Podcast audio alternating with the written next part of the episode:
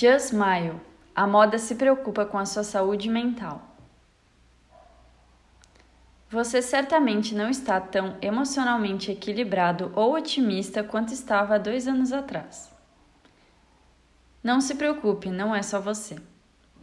Desde que a pandemia se alastrou pelo mundo, nos vimos isolados, aprendendo com nós mesmos a nos resguardar e, enfim, com alguns meses, começamos a ressignificar muitos conceitos até começarmos a pensar maneiras mais otimistas de observar o mundo e aguardando novidades positivas sobre o fim da pandemia.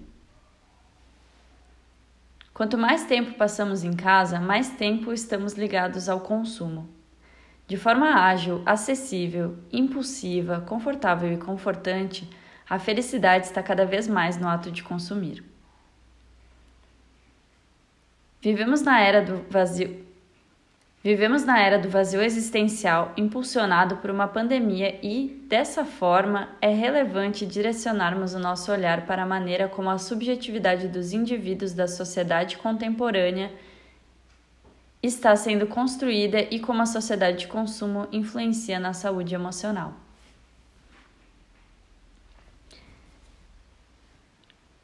Segundo Moreira, Estudos epidemiológicos.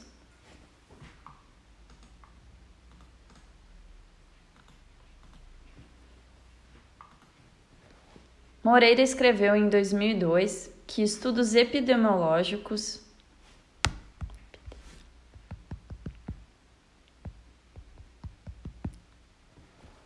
Moreira escreveu em 2002 que estudos epidemiológicos sobre a saúde mental sugerem que as pessoas que vivem um estilo de vida moderno nas sociedades contemporâneas avançadas pagam um preço psicológico.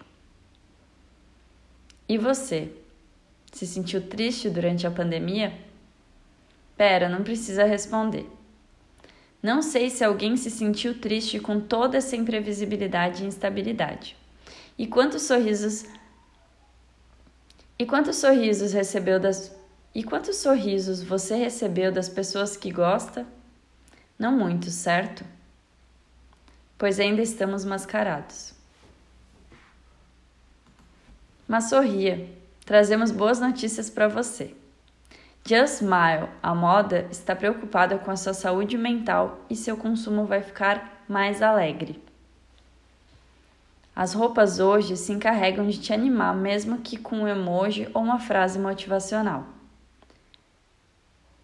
Não se preocupe, seus amigos estão seguros em casa enquanto seu estilo te acompanha nessa caminhada por um futuro desconhecido. Tá tudo bem. Você pode ter notado que uma onda de otimismo e frases positivas que também apareceram pelo seu feed nas marcas mais queridas, do varejo à grife de luxo, uniram a vibe do conforto e despreocupação das roupas para ficar em casa.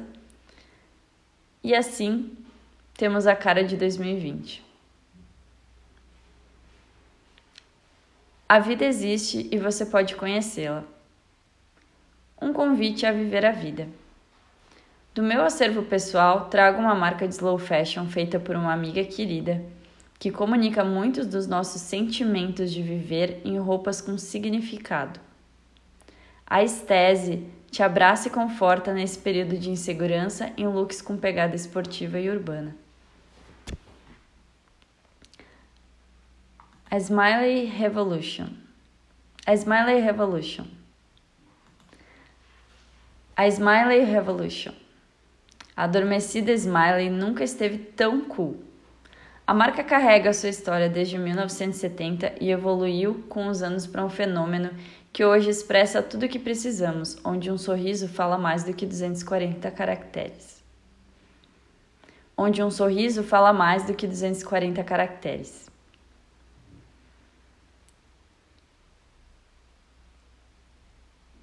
Em tradução livre do texto retirado no site da marca, diz assim: Nós somos mais do que um ícone, uma marca ou um estilo de vida. Nós somos o espírito e a filosofia, um, um lembrete de como um sorriso pode ser tão poderoso. Nascida em 1972, a simples mensagem da Smiley, a simples mensagem da Smiley de tirar um tempo para sorrir continua relevante após 50 anos.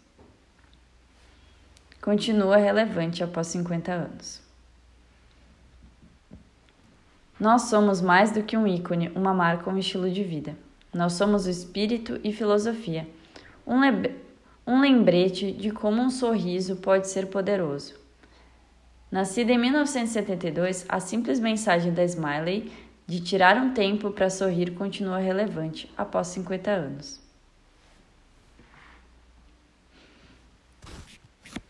Outras collabs importantes como Bershka e Smiley provam que essa febre de positividade em meio ao caos veio para ficar.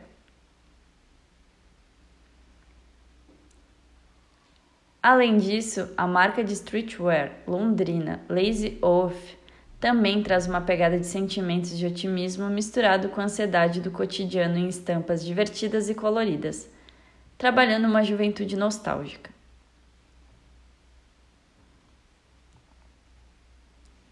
Enfim, percebemos uma luta cotidiana travada dentro de nós para tentar conviver com as novas configurações do mundo que a contemporaneidade novas configurações do mundo que a contemporaneidade instaurou em nossas existências. Enfim, percebemos uma luta cotidiana travada dentro de nós todos para tentar conviver com as novas configurações do mundo que a contemporaneidade instaurou em nossas existências, e dentro dessa perspectiva, a busca pela felicidade segue os mais diversos caminhos imagináveis caindo na materialidade para preencher um vazio existencial no ato de consumir. Mas se for assim, consuma uma mensagem otimista, algo que te sorri de volta.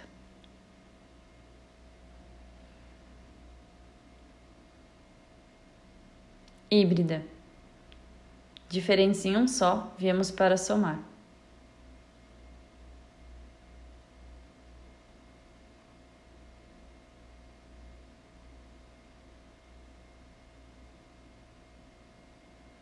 A híbrida é moda e cultura.